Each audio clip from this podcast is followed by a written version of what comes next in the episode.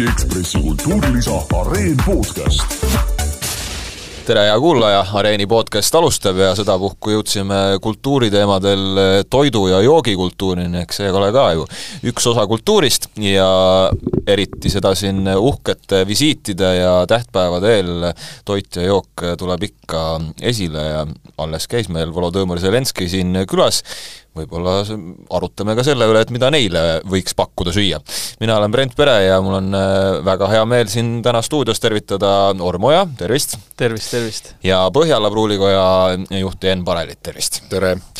no kas teil üldse praegu käib kliente restoranis või äh, õlut ostmas, kui me räägime siin sellest, et on äh, majanduses kehvad ajad ja kõik on pahasti? kuuldavasti kui on rasked ajad, siis inimesed pididki palju õlut jooma aga sööma? päris nii ei julge öelda, aga noh, praegu on ikkagi kuiv jaanuar, et kuiva jaanuari ajal ikkagi alkoholivaba jooki tahavad paljud juua, et äh, isegi olen seda järgimas. mis sellest kuivast septembrist sai? see vist ka ikkagi toimib seniajani, aga kuiv jaanuar on ka kuidagi, et meil on kaks kuiva kuud lausa sellist, äh, mida inimesed peavad, et üks on, üks on september ja teine on jaanuar, ja kes siis valib ühe või kes valib mõlemad või kes valib üldse kaksteist kuud aastas õlle, õlletootjal ei ole vist kõige meeldivamad need inimesed? ei, absoluutselt mitte, et selles mõttes me, me ikkagi oma, oma nii-öelda toodangut mõeldes ja tootearendust tehes mõtleme selle peale, et inimesed ei peaks nii palju õlut jooma, et pigem joogu vähem, aga joogu paremat aga kuidas on, kas restoranis äh, inimesed käivad sellisel ajal, ma kujutan ette, et sinu restoranis käivad. Mis su tunnetus ütleb? vot ma ei ole ise nüüd käinud äh, mõnda aega teistes restoranides, lihtsalt sest äh, detsember ja november on hästi kiired kuud, ma ei, ei ole, ei leia seda aega naljalt. aga jah, ütleme nii, et meil on pigem kiire, et täna just enne siia tulekut helistas üks koostööpartner meile, kes ütles, et kas sa saad mulle reedeks laua panna ma ütlesin, et eh, noh, et noh, ma mõtlesin, kas tänaseks, ta ütles ei, et järgmiseks reedeks. ma pidin nagu ütlema, et, et, et kui sa nüüd otse mulle poleks helistanud, siis võib-olla oleks veebruariks saanud läbi süsteemi. Äh, just noh, nädalavahetuste puhul. et äh, pigem on, pigem tuleb olla ma ei kujuta ette, kolleegidele ilmselt tänulik, kes, kes teevad tubli tööd ja, ja, ja klientidele samamoodi, et jah, jaanuar on, võiks öelda, peaaegu sama kiire kui detsember meie jaoks. aga see siis ikkagi tähendab seda, et kvaliteettoodangu järgi inimesed äh, on jät-, jätkuvalt janunevad? no ma usun seda, et, et et restoranis söömine ja ja kvaliteetõlle joomine ja mis iganes selline toitu ja jooki puudutav äh, on selline natuke hobi ka inimeste jaoks. ja neid, neid hobitarbijaid nii-öelda on, on kõvasti ja inimesed tõmbavad vahetlu vahel. Äh, kuidas ma ütlen, noh, tõmmatakse näiteks mingisuguse reisi pealt kokku, on ju, siis sa tahad ikka elamust saada, lähed ikka teatrisse või lähed restorani või. Et ähm, ma julgen arvata, et antud hetkel on veel restoranidel hästi, kindlasti nagu headel ja toimekatel restoranidel, ma arvan, samamoodi lähed Põhjalasse kohale, siis restoran on kogu aeg täis, noh, minu meelest see on see nagu mingi täielik fenomen, seal on kogu aeg inimesed sees, on ju. ja seda on nagu äge vaadata ja, ja seal tehakse ju asja hästi ka nii, et, et ei ole nagu miskit keerulist või arusaamatut sellest. pigem võib-olla need vahepealsed kohad, kes, kes võib-olla ei ole enda nagu sellist stiili või, või mingit päris ennast nagu leidnud või mis on tehtud natuke üle jala, noh, sellised kohad ähm, igas äris, ma arvan, mitte ainult toitlustuses ja joogiäris, lõppude lõpuks kaovad ära. aga kuidas, kui sellel hinnamajandusteemal alustuseks korra peatuda, enne kui me nende trendide ja muu selliseni jõuame, et kuidas näiteks äh, mõjub restoranipidajale või äh, õlletootjale käibemaksu tõus? et kas see on mingisugune asi, mis on noh, päriselt lööb teid või see on selline olme? No see käibemaksu tõus iseenesest ei ole väga suur, et ütleme, kui me nüüd vaatame, kui palju see reaalselt hinda tõstab, siis see on mõned sendid, eks ole, et kui me noh, siin ka oma hinnakirju üle vaatasime praeguseks äh, alanud aastaks, siis äh, siis need hinnatõusud olid selles mõttes ikkagi väikesed, aga noh, mis meid mõjutab, on muidugi ka aktsiisitõus, eks ole, et tootjana aktsiisitõus meid mõjutab vahest rohkemgi kui kui äh, käibemaksu tõus ja noh, selle käibemaksuga on ka nii, et äh, nagu praegu on kuulda olnud, siis poodides noh, kui vaadata supermarketi kette, siis siis osades tooterühmades on hindu tõstetud rohkem kui see käibemaksu tõus ja osades ei ole tõstetud üldse, eks ole, et ka poed vaatavad nagu seda, et mis on need tootekategooriad, kus hinda tõsta kannatab ja kus ei kannata, nii et ütleme, Äh, noh, ma usun, et see, see käibemaksu tõus jaguneb ära ühtlaselt tarbijate, tootjate ja müüjate vahel, et see kaks protsenti määritakse sinna vahele kuhugi laiali, nii et ei saa öelda nagu nii, et kõik automaatselt tõstavad kaks protsenti hinda ja need kanduvad edasi tarbijani, et tegelikult neelatakse ka seda marginaalikadu nagu ise alla. Ja, ja ka jaemüüjad vaatavad, kas, kas üldse kannatab hinda tõsta või mitte nii et ütleme, mõju on, aga see mõju ei ole nüüd mingi nagu tohutu minu arvates. kuidas restoranides on? toore on ju kõik kallim? tähendab jah, ma olen pigem, olen kaaskõnelejaga nõus, et äh, see, see on niivõrd väike protsent tõusul, noh, ütleme viimase pooleteist aasta jooksul on palju hullem probleem üleüldine sisendhindade tõus, et noh, suhkur, noh, meie spetsiifikas Itaalia restoranid, oliiviõli, mitmekümneprotsendiline tõus, et nüüd, kui see kaks protsenti kuskile juurde ujub, siis see on tõesti nagu niisugune liivatera kõrbes, et ähm, ma pigem hoian huviga silmi lahti jälgin, mida teeb tooraine üleüldiselt ähm,. Sest jah, see puudutab meid otseselt palju rohkem ja tegelikult noh, päeva lõpus ka klienti, on ju. et me ei küsi äh, või ei pane hinnasilti asjadele külge, noh, kuskilt noh, ei võta neid hindu nagu taevast. Need on kõik ikkagi väga, väga väga läbi arvutatud, noh, punkt üks, et äri ise oleks jätkusuutlik, on ju, sest päeva lõpus see on ettevõtte eesmärk, püsida elus, on ju. aga, aga jah, mina näen alati või tunnen muret rohkem eh, palgasurve ja sisendi pärast, kui nüüd selle, selle kahe protsendi pärast, sest nagu öeldi väga hästi, see, see on, kaob sinna halli alasse suhteliselt ruttu ära, on ju aga kui järgmine aasta tõuseb, ma ei tea, noh näitlikult oliiviõli veel kakskümmend viis või kuus protsenti, nagu ta, nagu ta tõusis eelmine aasta, noh siis see on reaalne probleem meie jaoks, mitte see kaks protsenti. ja me, me vaatasime sama asja just, et me tegime uut menüüd, et me vahetame restoranis suhteliselt tihedalt menüüd või vähemalt osa sellest ja ja oleme tagasi toomas üht toodet, mis mis meil oli viis aastat tagasi menüüs ja oli selline päris edukas äh, artikkel ja nüüd me toome ta tagasi ja, ja vahepeal on tooraine hind kahekordistunud. et äh, noh, me peame müüma seda kaks korda kallimalt, sellepärast et lihtsalt tooraine on nii palju kallim jah, ja see on äh, jälle niisugune mm, sisemine võitlus iseendaga, et kuidas see kliendi psühholoogiale mõjub, et, et noh, nad mäletavad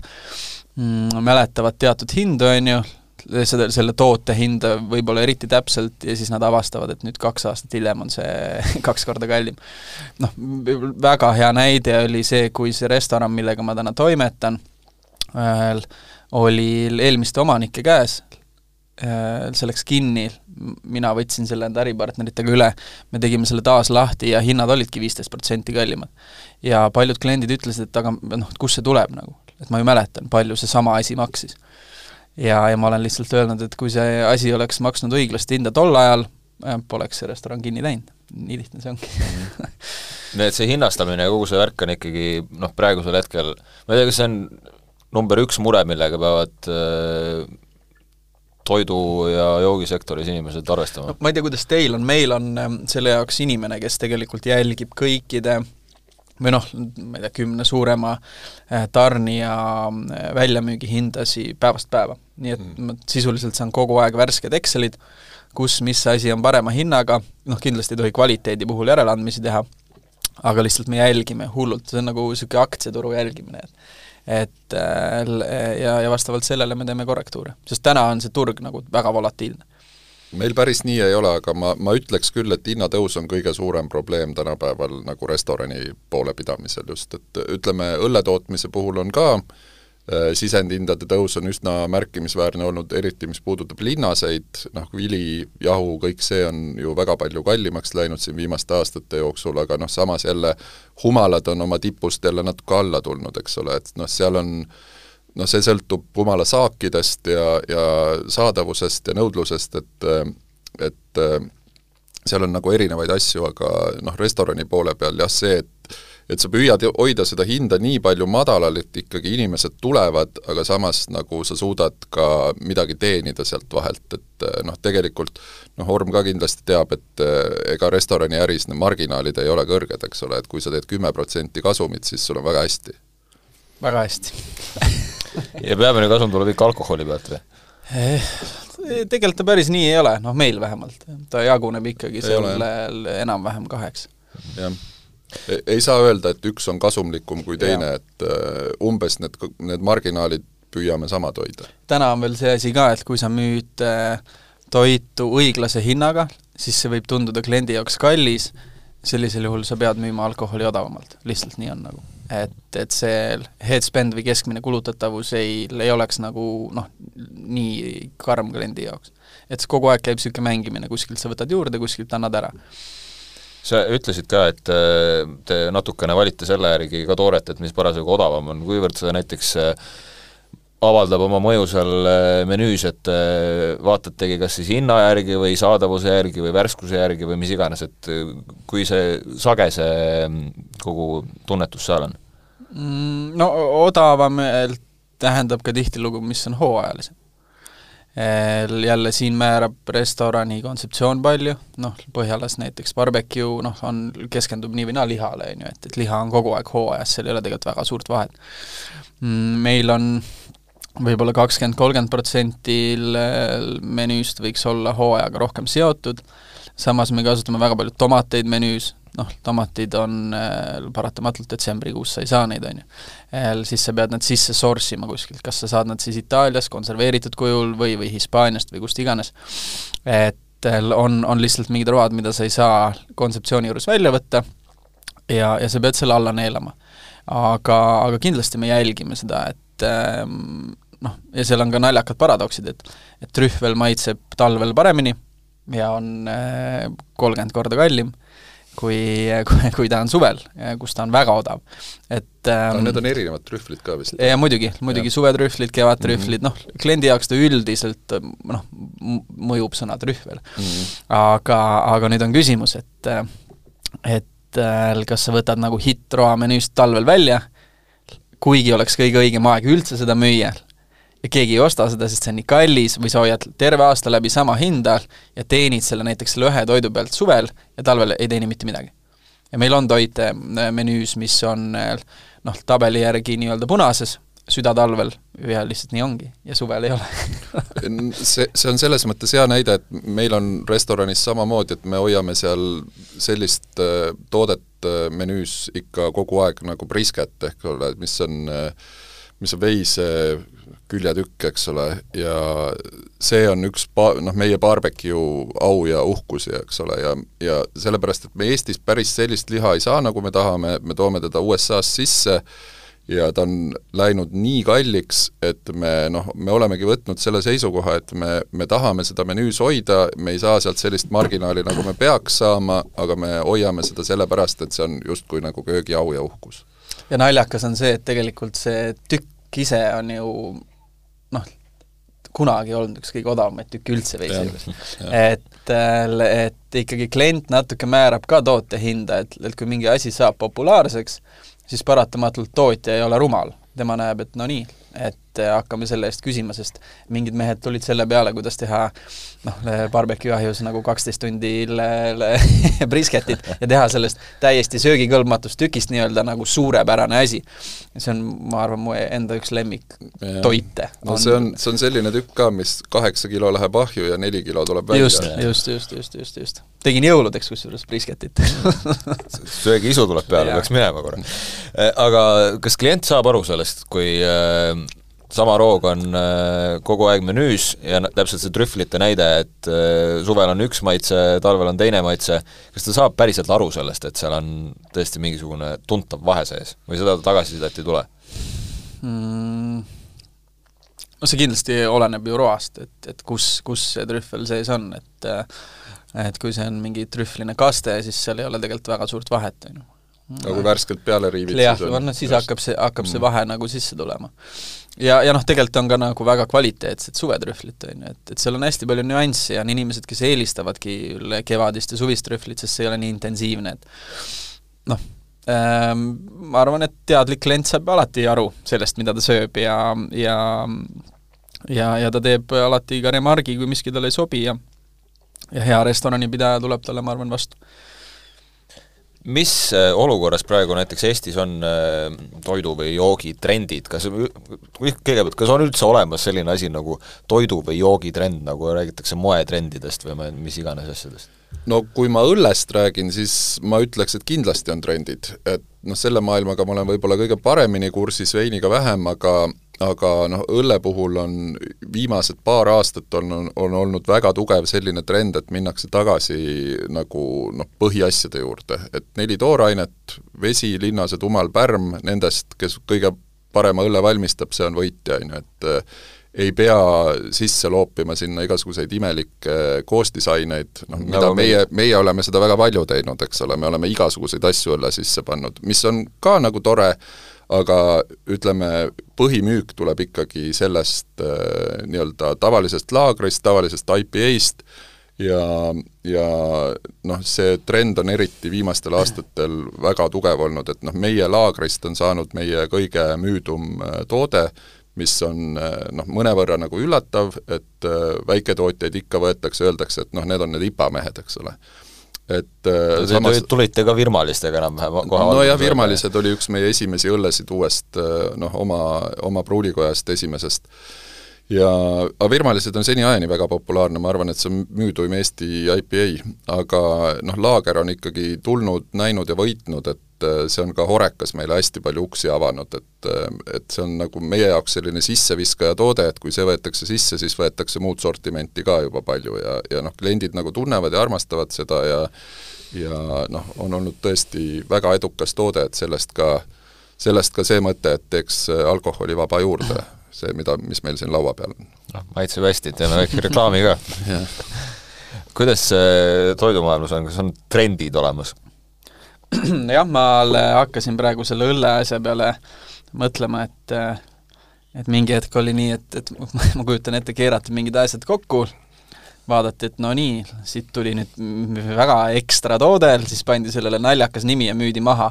et toidu puhul oli, ma arvan, seesama asi. Äh, mingi aeg läks toit ülikompleksseks, ma just mõtlen nii-öelda casual dine restoranides, noh, jätame fine dining'u välja, seal on nagunii mängitakse teist mängu mm. -hmm ähm,. Aga, aga iga tüüp, kes pidas kohvikut, tahtis ikka mingisuguste roosade tolmudega omal toitusi üle raputada ja see kõik muutus nagu väike roosa no, lilleke see oli niisugune groteskne farss, et see mhm. muutus lihtsalt naljakaks, noh ja Vahtu siis jood, just, just, ja siis jood sinna kõrvale mingisugust õlle, mis noh, on huvitav, ja pärast jood ühe huvitava kohvi ka ja oligi niisugune hästi huvitav päev, on ju. et, et toidumaailmas ma arvan, on natuke sama nagu õllemaailmas ja ma ise olen ka niisugune laagriusku mees, just sellepärast, et äh, et head laagrit on tegelikult ju väga raske teha, on ju. Neid, neid huvitavaid asju on tegelikult kerge teha, sest sa peidad miski või millegi ära nüansside sisse, mis viivad su tähelepanu nii kõrvale sellest, mis on tegelikult selle asja nagu sisu ja noh, ma ei tea, võtame omleti näiteks, on ju. päeva lõpus sa teed omletti munadest, killukesest võist ja soolast, kõik. aga väga hea omleti saab ka kindlasti, kui sa paned sinna sinki, juustu, tomatit, peterselli, kuut erinevat maitseainet ja riivid veel juustu peale, on ju noh, ta ongi huvitav ja hea, aga see ei näita, ma arvan, selle koka äh, nii-öelda noh, päris oskust. ja, ja toidumaailmas on sama, et mul on tunne, et, et me liigume vähemalt Eestis, üldiselt ma neid trende liiga palju ei jälgi, aga liigume Eestis vähemalt sinna suunda, et inimesed tahavad süüa nagu päris asju ehk siis kõik need mingisugused kummalised serveeringud, kus on saapa sisse salat serveeritud ja roti lõksu peale on laotud eh, mägijuustu, noh, see kõik on nagu, mida ma olen ka ise elus teinud nagu, eh, on, on, on täna nagu möödanik, et inimesed tulevad sööma, siis nad eeldavad, et neil on taldrikus toit ja seal kõrval on nuga ja kahvel, mitte nad ei pea puuoksaga mingisugust mingit asja nagu taga ajama, et see kõik on nagu, nagu natuke naljakas ja natuke möödanik. Facebookis on isegi üks grupp We want plates. jaa, jaa, just, ma olen kursis sellega kusjuures, et Ähm, ja, ja söögi puhul on samamoodi, et, et pigem mina ise mida ma enda peas näen ja, ja kui me avame nüüd le, loodetavasti varsti uusi restorane, siis me jälgime etnilisi kööke, pakume selles mõttes vaheldust, et, et näiteks sul on üks restoran, mis on Itaalia restoran, teine asi, mis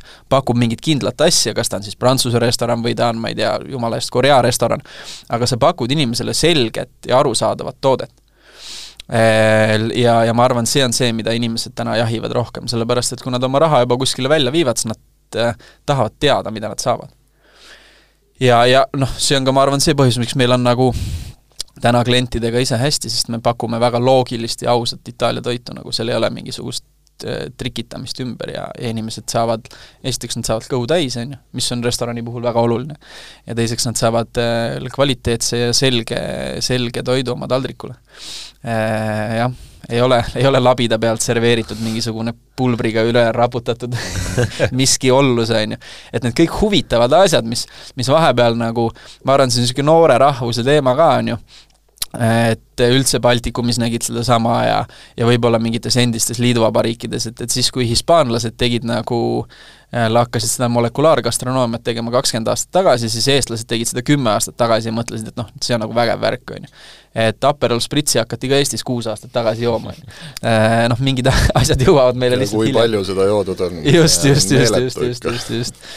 Et, et ma usun lihtsusesse äh, täna ja ma arvan, et see müüb ja, ja teine asi on see, et, et kui vaadata, äh, see on lihtsalt mi-, minu enda nagu tähelepanek, äh, noh, ja, puhtalt filosoofiline, et kui vaadata, mis restorane Tallinnasse tekkis, siis nad olid kõik väga sarnased. Noh, ilmselt see on nagu tingitud ka sellest, et, et peakokad tulid samadest restoranidest, kasvasid välja samade inimeste käe alt ja, ja, ja mingi hetk eristas restorane ainult äh, diivanikangas ja, ja, ja mingisugune noh, toolimaterjal. Äh, täna on, ma näen, et on julgust rohkem teha nagu uusi asju tüüpidel ja, ja meie turg tegelikult vajab äh, erinevaid etnilisi kööke. ma isiklikult usun seda selles mõttes, et meil on äh, endiselt veel kitsas valik, noh nüüd barbecue'd saab ühest, võib-olla kahest kohast Tallinnas, on ju, kahest, on ju, enne seda oli tegelikult ju äh,, oli tühjus. ja tegelikult ju asi, mis no loogiliselt võttes võiks olla igal pool olemas. absoluutselt, ja, ja sama noh, meil on tegelikult väga palju kööke, meil pole häid noh, ütleme sellist idamaade restoranid, on ju, mingisugune noh, korralikud, noh, Shedi on meil Hiina restoranina justkui ainus, on ju, väga kvaliteetselt, Jaapani restorani täna veel ei ole, kuigi on olnud mingisuguseid katseid ja isegi on, mõned on toiminud kohati, äh, võib-olla mitte täisulatuses menüü puhul, äh, ja, ja nii edasi, et, et Aku oli päris hea. jah, just, just, nemad tegid nagu, nemad tegid päris nagu autentset asja, on ju. et et Lexesti Kundet tuleb natuke selles mõttes ähm, harida ja nad on ka ennast harinud, ma arvan, reisimisega, mis on siin väga popiks saanud viimase viieteist, kahekümne aasta jooksul, et inimesed näevad, mis asjad need tegelikult on nendes riikides ja julgevad seda ka nõuda.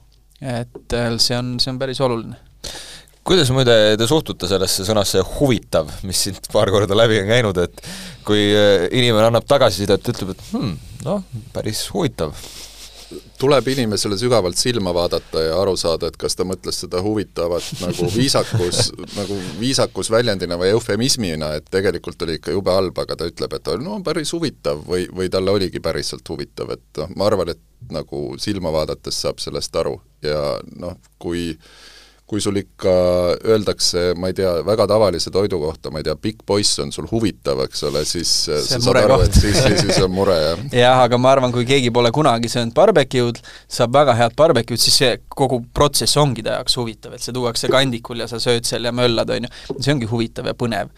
et ma arvan jah, see silma vaatamine aitab kõige, kõige rohkem nagu. aga mul on alati kuldne lause, mis ma kelneritele katsun öelda, et, et ärge küsige kliendilt, kuidas toit maitses et kui kliendile toit maitses, siis ta ütleb seda ise. ma toon alati paralleeli, et kui sa ärkad oma pruudi kõrval või elukaaslase kõrval hommikul üles ja ja noh, ongi eelmine õhtu olete veel saunas käinud ja kella kaheni veini joonud ja noh, ärkate üles ja olete mõlemad näost pundunud ja siis su pruut küsib, et noh, kas ma olen kõige ilusam naine maailmas, siis sa ütled talle alati, kallis, sa oled kõige ilusam naine maailmas. et enamus kliente ütlevad ka, et asi maitses väga hästi. et saada head tagasisidet, ma arvan, tuleb kliendile natuke õhku anda ja jätta talle endale see võimalus anda, anda äh, siis kriitika. või, või positiivne kriitika. nõus. kuidas te sellesse, sa mainisid, et äh, oluline on, et äh, kõht saab täis mm. -hmm. kuidas teile endale tundub, kas äh, Eesti restoranides keskendutakse sellele, et kõht saaks täis? vot see, see, see on juba antropoloogiline küsimus see on selline, minu arust ka see, noh, ma, ma olen ka näinud neid kommentaare, eks ole, et portsud on nii väikesed, sellest ei saa kõhtu minema. jah, täpselt, et noh, see oleneb seda, mida sa sööma lähed, et kas ma olen terve elu mingit... fine dining ut teinud, ma olen no, seda lauset nii palju kuulnud kas sa oled nagu, kas sa lähed degustatsiooni menüüd sööma või noh, sa, sa võtadki nagu a la cart'ist, eks ole, eelroa, pearoa ja noh, arvad, et okei okay,, ma täna eelrooga ei võta, et ma võtangi ainult põhiroa ja sellest saan kõhu täis, et see ei ole nii mõeldud ju, et et äh, noh, on, on sellised menüüd, kus sa peadki võtma kolm asja selleks, et saada see nii-öelda elamus ja kõhutäius kätte, sest see ongi mõeldud nii, et seal käivadki inimesed, kes tahavadki erinevaid asju süüa, eks ole. aga noh, ütleme sellises asjas, nagu me Põhjalas teeme, seal on noh, väga selgelt see, et sa võtadki ühe toidu sinna õlle kõrvale ja see, see peab ikka su kõhu ära täitma, eks ole, et et noh, see oleneb ikka väga palju restoranist ja kontseptsioonist, et äh, kas, kas sa peaksid nagu ühest toidust kõhu täis saama või mitte? jah, see on, siin nüüd sellest võiks eraldi podcast'i teha teemal, kas kõht on vaja täis saada või mitte, sest punkt üks, kõhu täitmine eesmärgina, noh, on juba, oleneb väga palju kliendist, tema bioloogilistest eripäradest. ja, ja, ja kui ta ei jõua toitu ära süüa, siis see toit läheb prügikasti ja prügikastis toit on noh, punkt üks on osaliselt söömata toit kellegi jaoks, kes oleks seda vajanud, siis ta on raisatud raha, ähm, kulutatud aeg ja nii edasi. et ähm, see on väga kummaline asi üldse, millest rääkida, noh, ma mõtlen kliendi seisukohalt, et noh, ma olen just selle öelduga nõus, et ülipalju oleneb see kontseptsioonist ja teiseks on see, et, et miks vahel ma mõtlen, et miks on vaja kõht nagu, nagu nii täis süüa. et me oleme, me oleme maailmas nagu, inimene on rasvunud loom tänases ühiskonnas, on ju. kas me tahame nüüd, et, et seda dopamiini lendaks ja ta tunneks ennast nagu noh, nii et peale söömist ei suuda liigutada või, või mis see nagu asi on, et, et suures pildis äh, see on, sa ei lahenda mitte kunagi seda võrrandit ära, see lihtsalt on võimatu vist öeldakse ka, et kõhtu ei tohikski sada protsenti täis süüa, et sa peadki mingi kaheksakümmend või kaheksakümmend viis täis sööma, et siis on Just. nagu okei okay., et sa, sa, sa tunned, et natuke mahuks veel, eks ole, ja siis lõpetad söömise ära, mitte siis, kui sul enam tõesti mitte midagi sisse ja, ei mahu. näiteks kui võtame Aasia kultuurid, siis on riis on püha riisi ei tohi alles jätta, viimane tera tuleb ka ära süüa, aga kõik, mis seal muu juures on, selle võib alles jätta, seda süüakse hiljem, noh kui me räägime kodus söömisest, on ju. et ja eks meie ka mängime sellega ja pigem ma olen seda meelt, et, et sa äh, punkt üks, lähtud oma kontseptsioonist, et inimene võiks saada nagu selle hea tunde, ehk siis et ta ei tohiks nälga jääda peale restorani, aga sa pead andma alati võimaluse inimesele juurde tellida. juurde saab ju alati tellida mm.. ja, ja nii lihtne see ongi et ähm, aga, aga noh, meil on see võimalus olemas ja meie jaoks on ka loogiline, et inimene saab kolm käiku, sellepärast et, ähm, et see asi on meil niimoodi üles ehitatud ja, ja need portsud ongi nii suured. et vahel, kui inimene tuleb, saab ühe pearoa, siis on ju see ju tema enda valik, kas ta saab nüüd sellest noh, selle kõhutäie, mis on tema jaoks nagu standard, mis ei pruugi olla minu jaoks standard, äh, või, või, mitte. Ja... kas Itaalia restoranist neli käiku ei peaks jaa, absoluutselt, ja see on tegelikult veel omaette teema, et tegelikult äh, pasta on tihtilugu üks eelroogadest uh. Mhm. -huh. Nüüd me oleme Eestis ja kui, kui me teeme niimoodi, et inimene sööb eelroaks pasta, pearoaks liha, noh, siis võtab veel ühe eelroa ja läheb desserdimanu ka, siis ähm,, siis ma võin garanteerida, et ta saab kõhu täis. Äh,. Aga aga see on tegelikult, ja noh, tegelikult see võimalus ongi olemas ja kui meil käivad itaallased söömas, siis nad söövadki niimoodi. Mm.. lihtsalt jälle, see on kuidagi mingisugune kultuuriline eripära, et pasta söömine on, või et pasta kui selline on pearoog. Mm.. ja me katsume neid pastaportsjoneid ka ikkagi piirata just sellepärast, et kui tulevad inimesed, kes mõistavad sügavalt seda kultuuri, siis nad ei söö ennast äh, pastast lõhki. et äh, muidugi on ka väga palju restorane, kelle jaoks nagu pastaports ongi selline kuuesaja grammine või, või isegi kaheksasaja grammine hunnik nii-öelda makarone. aga see on jah, natukene kultuuri nöökimine kaheksasada grammi pastat kõlab jälle julmalt. see jah, seda kuuldes läheb kõht täis juba. kuidas äh, te Eesti äh, sellist toidukultuuri hindate, et mi-, mis on need meie pärlid, mis võib-olla ei ole ma ei tea, kas nii palju esil, kui võiks olla, või on see ikka selline klassikaline, et noh sa räägid meie etnilisest köögist? jah. kartul ei ole ju Eestist. noh, seda küll jah, seda lihtsalt süüakse siin räägime, palju. räägime Lõuna-Ameerika toidust yeah. jah, raske on nagu öelda, et mis see Eesti toit nagu täpsemalt siis on, et tegelikult analooge noh, Eesti toidust räägitakse, kartul, sealiha, kapsas, verivorst, sült, kama eks ole, kõik sellised asjad, neil on juured ikkagi kõigil kusagil mujal, et ja. need on paljuski sa-, saksa köögi kaudu meile tulnud. Saksa ja, ja vene köögi segu. nagu Eesti rahvas igasuguste rahvaste segu. just. nojah, aga selline ikka ugrilane on ka meis kõigis olemas, et metsas ikka Körti. käiakse ja, jah Körti helpida mingit tummi näost sisse ajada ja siis jah, ma olen väga palju uurinud seda ja, ja mult on soovitud, ma mäletan, ma ei mäleta, kas see oli, kellele see oli, aga ühesõnaga sooviti fine dine õhtusööki viiekäigulist äh, etniliste Eesti retseptidega, noh, seal on sipelga leib on seal näiteks. Mm., noh, kördi toome kindlasti mängu, on ju, noh, lõppude lõpuks on, kui sa selle valmis teed, siis sa võid, noh, sa saad garantii, et tellija ütleb, et toit oli huvitav. see on, see on, see on noh, de facto nii lihtsalt. õlut joodi palju Eestis seda küll, jah. aga ei ole ikkagi siis sellist noh, nii-öelda meie oma tegelikult väga olemas no raske öelda, tegelikult nagu Eesti, sellist moodsat Eesti kööki ju tehakse ja tehakse minu arvates päris hästi ja huvitavalt, aga noh, see ongi see, et sa tood nagu nende traditsiooniliste toorainete juurde, sa tood moodsad valmistusmeetodid, eks ole, ja ja noh, võib-olla kusagilt laenad midagi juurde, kerge nagu fusion on sealjuures ja noh, saab väga huvitavalt ja väga hästi teha kohalikust toorainest lihtsate maitsetega väga maitsvat toitu, aga noh, selline see, mida meil peetakse nagu Eesti klassikaks, noh, kotlett kartulipudruga, seda saab ka väga hästi teha, aga noh, see, kas see on nüüd nagu kuidagi quintessentially Eesti, seda on nagu noh, raske no, öelda. talupoeg ikkagi sõi sellepärast, et oleks kütus kehas et oleks kõht täis? jah, äh, kõht, kõht täis. ja, ja kui ma ei eksi, siis kõige maitsetum köök maailmas on, äh, on Taani rahvusköök. ja nemad on söönud väga sarnaselt nagu meie. noh, Eesti köök on tegelikult, ma arvan, kui see nüüd mingist filosoofia nurgast välja hüpata, Eesti köök on lihtsalt see, mis meil siin kasvab.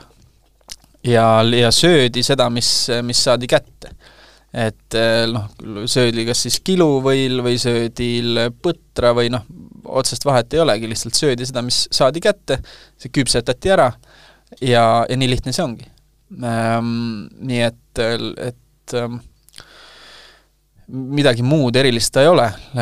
kõik see, mis on sinna juurde toodud, noh et nüüd ma võtan põdra ja kasutan seda siis selle mingite või töötlen seda mingite teadmistega, mis ma olen õppinud Aasia köögist või, või, või Prantsuse köögist, siis päeva lõpus ta on justkui Eesti toit, ta on lihtsalt saanud äh, kokku meetoditega, mis, äh, mis ei ole meile omased. ja noh, see ongi see fusion mm. või, või see modernne Eesti köök, on ju, et ma arvan, modernse Eesti köögirestoranid Tallinnas kasutavad valdavas enamuses äh, noh, teevad tillimajoneesi, siis noh, majonees ei ole kohe kindlasti kuidagi e-, e Eestiga seotud, lihtsalt see on jälle kuskilt Prantsuse köögist sisse toodud tehnika ja, ja nii ta on näiteks mulle väga meeldib, mida Kennet Karjane teeb seal äh, Barbareas mm, -hmm. et ta, ta koha, kasutab kohalikke tooraineid, aga ta teeb neid nagu sellisest nagu Lähis-Ida võtmes veidi, et jah, jah no,. Kennetiga on niimoodi kusjuures, et kui ta käib reisil, tal on, tal on restoran, kus sa saad süüa äh, ma arvan, neli korda aastas erinevate rahvuste kööke, et, et mm. kui ta käib Lähis-Idas, siis noh, sa tead, et ta tuleb juba rätik peas sealt tagasi ja hakkab valmistama nagu mingisuguseid väga huvitavaid asju, järgmine hetk käib ta, käib ta kuskil Aasia reisil ja menüü on tohutult selle poolt mõjutatud, on ju. nüüd ta oli Baskimaal, noh, siis oli kohe tunda, et Kennet on jälle Hispaania kandis müttamas käinud, nii et ta on mul väga hea, väga hea sõber ja minu endine kolleeg ja, ja mul on hullult lahe näha, kuidas ta, kuidas ta nagu ei piira ennast üldse, aga samas tooraine koha pealt piirab ennast noh, totaalselt mm., meeletult yeah.. et hästi, hästi põneva käekirjaga kutt nagu. hiljuti käis äh Ukraina president Volodõmõr Zelenskõi Eestis, annan sellise väikese ülesande, et ma ei kujuta ette, mis ta siin sõi, aga kui teil oleks võimalus, et noh, mida te annaksite sellisele inimesele, kellel noh, peab ikkagi hea mulje jätma ja ta on väga tänulik meile, noh, meie toetame Ukrainat ja nii edasi, mis võiks olla see söök või jook, mida talle pakkuda? See on huvitav küsimus, sest eh, me just eile arutasime, et huvitav, miks Zelenskõi meile sööma ei tulnud. et kui käis eh, Saksamaa president, eh, siis nad koos Alar Karisega käisid meie juures söömas, et huvitav, kus siis Zelenskõi sõi, eks Alar Karis on ju suur käsitööle fänn, ma tean. jah ja, ja noh, kui, kui nüüd rääkida, ma võib-olla räägiks rohkem sellest joogi poolest, sest meil on selline nagu noh, suhteliselt ameerikapärane köök ikkagi, mida noh, võib-olla Eesti tutvustamiseks kõige õigem kõige õigem pakkuda ei oleks, aga see läheb seest õllega väga hästi kokku, see on põhjus, miks meil on ameerikapärane köök, et see on noh, selline toit, mida sa pigem tarvitad, sinna juurde tarvitad õlut, mitte veini ja noh, see on meie põhiline point, et me oleme ikkagi õlletootja. aga noh, kui nüüd äh, vaadata hooaega, seda, mis ilm on väljas, siis kindlasti toidu juurde oleks pakkunud mingit äh, sellist kergemat porterit, võib-olla Põhjala õhtut näiteks, mis on väga hea selline suhteliselt lahja, tume, väga maitsekas õlu ja läheb hästi selliste tummiste toitudega, mille järgi noh, minul näiteks väga talvel isu on, et ma teen väga palju talvel ise igasuguseid padasid, et et äh, suvel ma liha söön väga vähe, aga talvel tahaks midagi tummist ja sinna porter kõrvale väga maitsev. kuidas toiduga on? teeme siis, jagame mina ära. mina panen nüüd poliitikut, et ähm, ma olen selliseid äh, selliseid õhtuid väga palju võõrustanud, alates printsidest ja, ja lõpetades presidentidega Äh, üldiselt on tihtilugu suured eelistused inimestel, mida nad tahavad süüa, mõni sööbki ainult viite asja, on ju, terve elu on noh, ma ei, võib-olla ei ole diskree-, noh, diskreetsuse mõttes ma ei nimeta, kes, aga no see öeldakse kõik ette. aga, aga kõik öeldakse ette. et äh, mulle meeldib kokana, on minu filosoofia ka see, et kui sõbrad tulevad külla, siis ma küsin, mis te süüa tahate.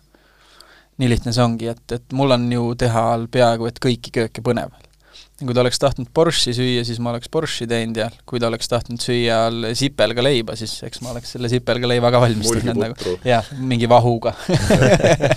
Et, et ma ei, ma ei kujuta ette, kas, kas, kas ma kuidagi tahaks seda valikut piirata, aga kui sa ikkagi annad lähteülesandeks, et noh, et tee nüüd midagi, mis nagu, mida sulle meeldiks teha, siis äkki sellise grandioosse mehe puhul, kes kelle noh, stressitaluvus on nagu läbi lae. ma arvan, ma oleks pigem võib-olla teinud sellise õhtusöögi kontseptsiooni, kus, kus saab hästi süüa, ma ei tea, kuidas see on eesti keeles, võiks seal väljend olla, inglise keeles äkki niisugune nurturing, et, et toidud on jagamiseks lauas, kõik saavad lihtsalt noh, et sa, et sa tunned, et sind on nagu hoitud.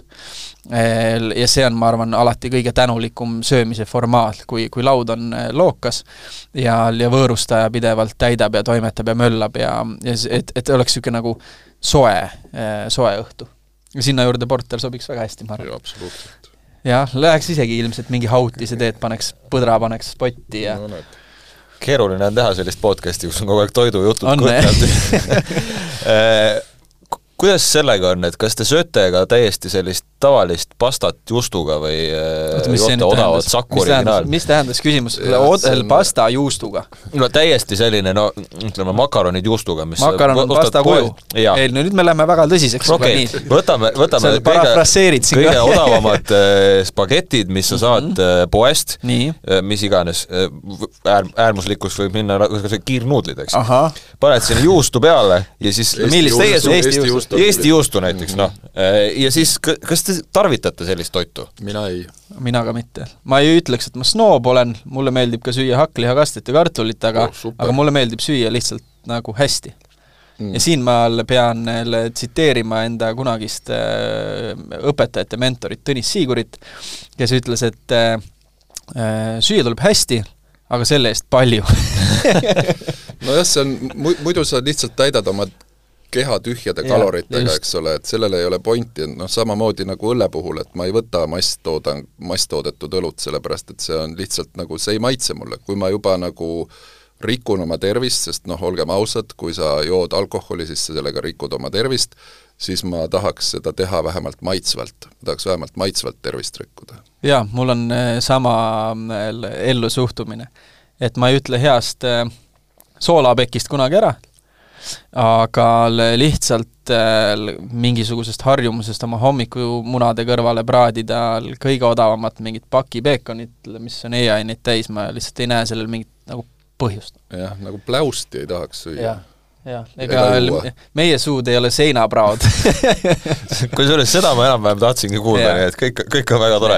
Äh, meil hakkab kohe vaikselt aeg täis saama. tahad aga... sööma minna juba, ma saan aru? tahaks sööma minna küll jah, vaikselt hakkab see nisutama, aga lõpetuseks mõeldes aastale ette, ähm, no ma ei saa siin hakata mingeid ennustusküsimusi küsima, aga mis te näiteks äh, omavahel äh, sooviksite või loodaksite, et sel aastal juhtub toidu- või äh, joogikultuuris, ma ei tea, Eestis või laiemalt, mis, mis on need märksõnad, mis oleks, see oleks äge hmm.? No mina tahaks teha, mul on kindel visioon, mina tahaks teha ühte restorani juurde, ühe teatava köögi ja kontseptsiooniga asja, see mul pikalt mõttes äh, niimoodi mõlkunud ja, ja ma tahaks need sammud ära teha, nii et see oleks, ma arvan, talveks, järgmiseks talveks siis nii-öelda avatud. Lähemalt ei saa rääkida? noh, mis aga, aga kindlasti seal, selles kontseptsioonis saavad inimesed ise ka natuke süüa teha ahah, okei okay.. see kõlab põnevalt, jah. jah, kõlab nagu Korea tuleb... barbecue yeah. ma võib-olla olen seda ka kuskil juba öelnud, aga, aga ole, ei ole. ma ju mõtlesin selle peale aga kohe. mul on, mul on jah, mingi, mingi, ma olen niisugune nagu, lähen nagu hulluks, et kui ma Itaalia värki hakkasin tegema, siis ma süvenesin sinna nii hullult, et ma käisin pidevalt Itaalias ja ja tudeerisin ja lugesin ja tahtsin, et kõik oleks nii nii ehe ja autentne kui võimalik ja nüüd mul on see, selle Koreaga on tekkinud mingisugune, mingi kiiks, nagu ma tahaks seda ära teha, sest see on niivõrd sotsiaalne tegevus. ja Korea, Korea on üldse nagu tegelikult superköök ju, noh, minu arust on väga fusioneeritav köök ja, ka, et eh, noh, Mehhikoga on väga hea teha Korea fusionit, minu arust Itaalia asju saab Korea ja, võtmes ja, väga mõnusalt ja. teha, Eestiga on seos olemas, et Skandinaasia. noh, täpselt, et see sealiha hapendamine, kõik see on ju Just, tegelikult hapukapsas on ju sama, mis kimchi yeah., põhjusmõtteliselt. Yeah.. aga kui äh, jookidest rääkida, siis noh, minu, minu võib-olla selline soov, kui ma nüüd vaatan nagu nii-öelda Põhjala poolt, et laiemaid trende noh, ei oska midagi nagu soovida, need lähevad nii, nagu nad lähevad, et äh, ka soovid sa või mitte, aga, aga ütleme, Põhjala poolt vaadates ma loodan, et loodaks, et inimesed saavad äh, rohkem ja rohkem proovida seda, et äh, nii-öelda tavaline õlu võib olla ka hästi ja hea ja väga hästi tehtud, eks ole, et et see ei ole nagu niimoodi, et kui sa tahad tavalist õlut, siis sa pead minema suurtootja juurde ja kui sa tahad nagu nii-öelda huvitavat õlut, eks ole, see sõna, mida me oleme siin mitu korda täna kasutanud, et siis sa lähed väiketootja juurde. minul on küsimus, et kas Brewdog on veel väiketootja? Äh, nii ja naa, ütleme nad oma filosoofialt on väiketootja, nad on oma filosoofialt äh, väikeette- või väiketootja mm, -hmm. väikeettevõte ei ole nad kindlasti, kuigi noh, ütleme see, et nad, kui palju nagu nende Indi, turuväärtuseks, turuväärtuseks on hinnatud, eks ole, see on muidugi absurd, et ma yeah. ei tea, kust selline valuation tuleb, aga noh, see on, ütleme, see on nagu teine teema mm. -hmm aga noh, oma filosoofialt on nad ikkagi nagu nii-öelda craft õlletootja mm, -hmm, sest mm -hmm. nad, äh, nad on tootekesksed, et okay. Äh, et noh, tihtipeale on meie käest ka küsitud, et noh, et mis, mis käsitöö tootmine see teil siin enam on, on ju, et klapid liiguvad pneumaatikaga, eks ole, arvutist juhitakse tootmisprotsessi, et mis nagu väiketootja teie olete, aga noh, ma olen alati sellele öelnud, et see küsimus on filosoofias, et väiketootja on alati tootekeskne tema tahab teha võimalikult head toodet ja loodab, et see võimalikult paljudele inimestele meeldib mm, -hmm. samas kui suurtootja filosoofia on selline distributsiooni ja marketingi keskne, et ma ajan oma distributsiooni suure marketingi rahaga hästi laiaks ja siis teen sinna sellise toote, millel on võimalikult vähe nurki, et ta on mhm. võimalikult ümar toode, mis võimalikult äh, vähestele inimestele ei meeldi, mitte et meeldib paljudele, vaid vähestele ei meeldi mm. -hmm, nii et noh, see on mm -hmm, nagu selline filosoofia vahe minu arvates. see on väga hea vastus, ma olen alati tahtnud ekspertidelt seda küsida okay. tundub, et siin e-, eksperdid saavad omavahel jääda, jääda jutlustama igatahes suur tänu, Enn Parel ja Orm Oja stuudiosse tulemast ja kohtumiseni siis kunagi jälle! aitäh kutsumast! Eesti Ekspressi kultuurilisa Areen podcast